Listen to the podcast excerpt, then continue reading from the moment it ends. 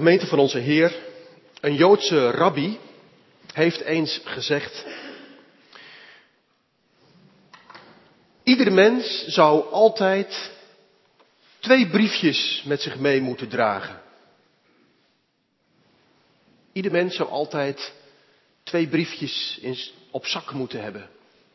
En op momenten dat je met je hoofd in de wolken dreigt te gaan lopen, op de momenten dat je het erg goed met jezelf hebt getroffen en je jezelf te serieus begint te nemen, dan zou je dat ene briefje uit je linkerzak moeten halen, waarop staat geschreven waar je vandaan komt. En je leest de woorden, ik ben slechts stof. Maar op andere momenten, als je te diep in het stof bijt, als je je van binnen heel klein voelt en zwak en misschien wel een beetje minder dan de anderen, dan neem je dat briefje uit je rechter, rechter jaszak of broekzak, waarop staat waartoe je bent geroepen. En je leest, in jou ademt Gods geest. Voor jou is de wereld geschapen. Is wel scherp gezien van die rabbi, vindt u niet?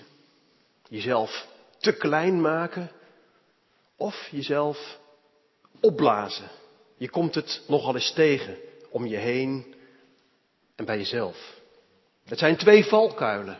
Zelfverwerping of zelfoverschatting. En ze liggen dichter bij elkaar dan je denkt. En in beide gevallen ben je vooral erg druk met jezelf. En in beide gevallen lukt het je niet om werkelijk de mens te zijn die je zou mogen zijn. Wij mensen, wij zitten soms zo ingewikkeld in elkaar en we spiegelen ons aan elkaar.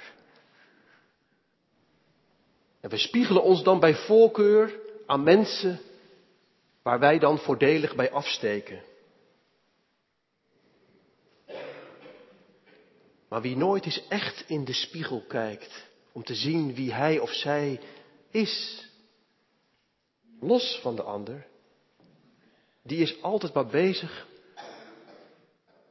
om iemand te zijn die je niet werkelijk bent. Voor je het weet ben je, ben je bezig om jezelf te bewijzen en jezelf neer te zetten. Jezelf te overvragen. Het is een vermoeiend spel. En soms kom je mensen tegen die dat een leven lang volhouden. Maskers ophouden, façades, schone schijn. Het is doodvermoeiend. En voor je het weet zit er iets van krampachtigheid in je levenshouding. En het maakt je niet tot een echt mens.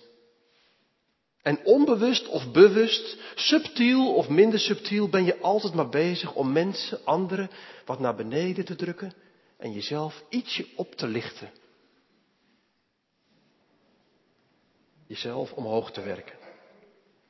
Als Jezus zijn inaugurele reden houdt, zoals Obama dat deed en iedere president of koning aan het begin van zijn termijn een reden afsteekt om zijn programma duidelijk te maken, dat doet Jezus eigenlijk in de bergreden. En in zo'n speech kun je al heel veel aanvoelen van waar het die persoon om gaat. Dan is het eerste wat Jezus zegt, gelukkig ben je als je aan dat hele spel niet meedoet. Gelukkig ben je, zegt Jezus, als je nederig bent van hart. Als Jezus dus zeg maar schetst wat voor levenshouding je mag ontwikkelen in het koninkrijk van God, dan is het allereerste wat hij zegt nederigheid. Nou, in het woordje nederigheid, we horen dat al, zit het woordje neder in. Nederdalen, afdalen, landen. Jezus zegt dus eigenlijk, gefeliciteerd als je met twee voeten op de aarde leeft. Gelukkig ben je als je wortelt in de werkelijkheid. Gezegend ben je als je de dingen durft te zien zoals ze zijn. Gelukkig als je durft te wezen die je ook werkelijk bent. Een mens. Niets meer, maar ook niets minder. Een mens voor het aangezicht van God. Ja, en kijk, dat laatste, dat maakt toch wel echt het verschil voor Jezus. Het besef dat God mij juist zo gemaakt heeft en u zo en jou zo. En dat God u en jou en mij dus dat ene specifieke plekje geeft in deze mensenwereld. Zoals die bomen in het park, in het verhaal met de kinderen, ieder hun eigen plekje hadden in het park. Dat geeft een zekere rust en vertrouwen.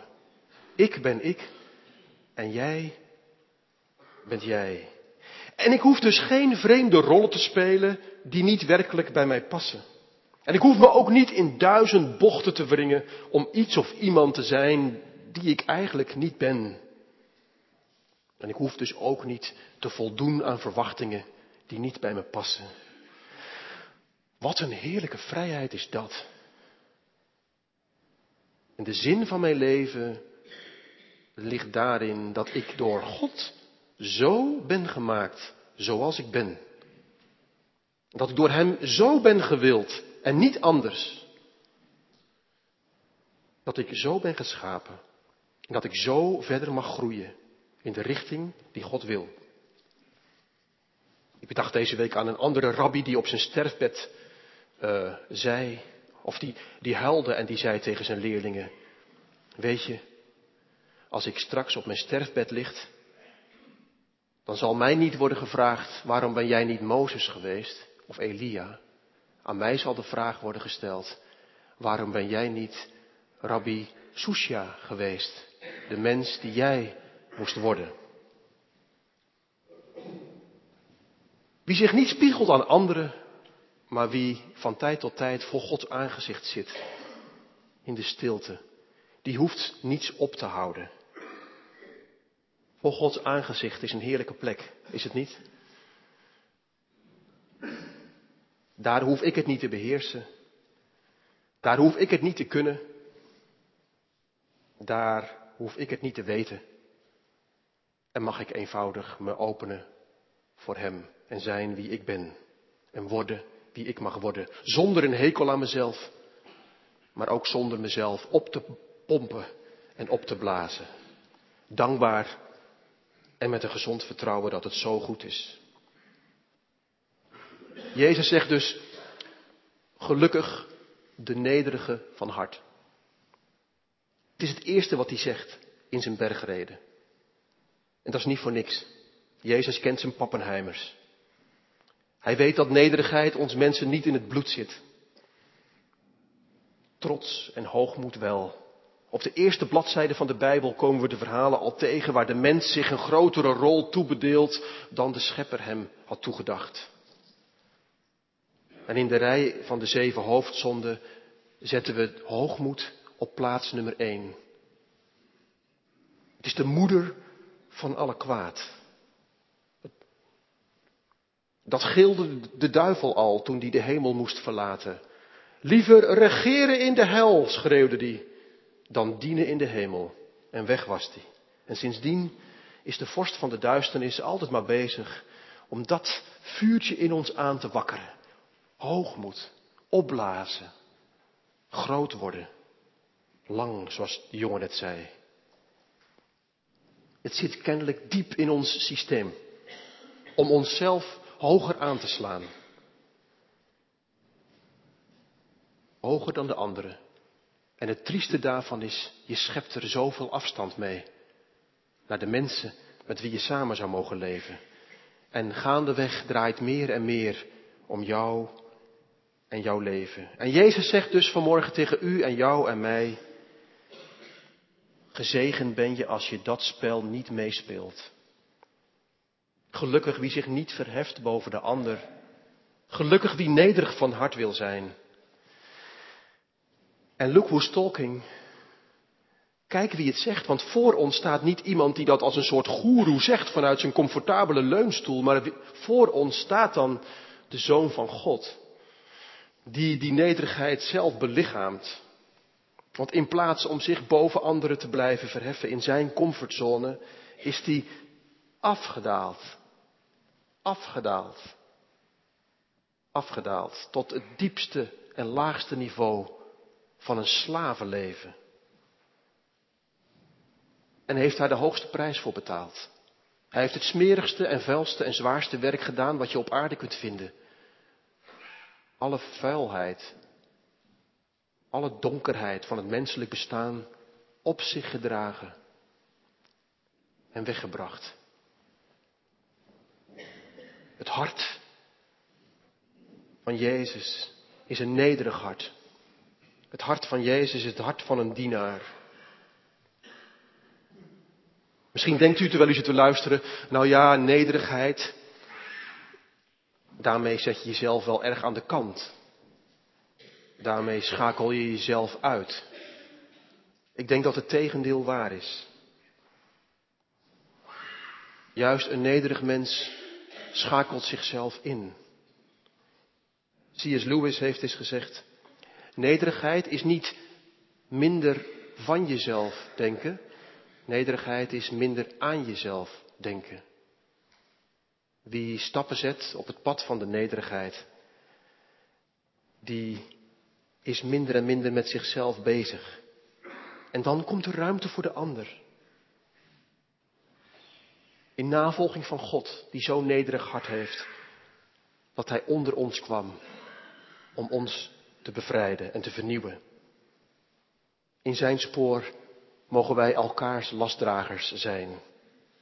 En zo de wet van Christus vervullen die zei, leer van mij, want ik ben zachtmoedig en nederig van hart. Verkijk je er niet op, op die nederigheid. Het heeft niks te maken met softheid of met zwakheid. Er zit in die nederigheid een enorme kracht. Een wonderlijke, zachte kracht.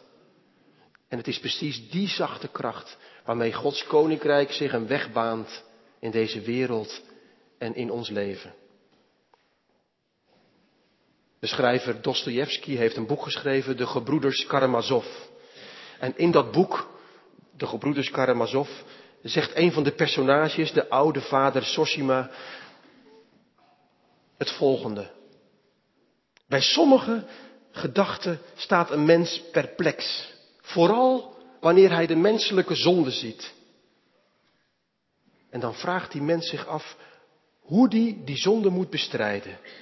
Met geweld of met nederige liefde? En, zegt vader Soshima dan, besluit altijd, ik zal de strijd aangaan met nederige liefde. Als je dat voor eens en voor altijd besluit, dan kun je de wereld veroveren, zegt hij. Liefdevolle nederigheid is een verschrikkelijke kracht. Ze is de sterkste van alle dingen. En er is niets mee te vergelijken. Neem deze woorden van vandaag eens mee de zondag in en de nieuwe week. Jezus zegt, gelukkig ben je als je nederig van hart bent, want voor hen is het koninkrijk van de hemel. En we voelen vanmorgen aan, het is een heel dun paadje, een smal paadje tussen de twee valkuilen door. Van zelfverwerping of van zelfverheffing. En twee dingen helpen ons om op koers te blijven. Je afkomst en je roeping. En die twee dingen komen ook terug in het lied wat we zingen als antwoord op, op dit woord van Jezus. Die twee zinnen die we straks verschillende keren gaan zingen. Neem mij aan zoals ik ben. Wek in mij wie ik zal zijn. Amen.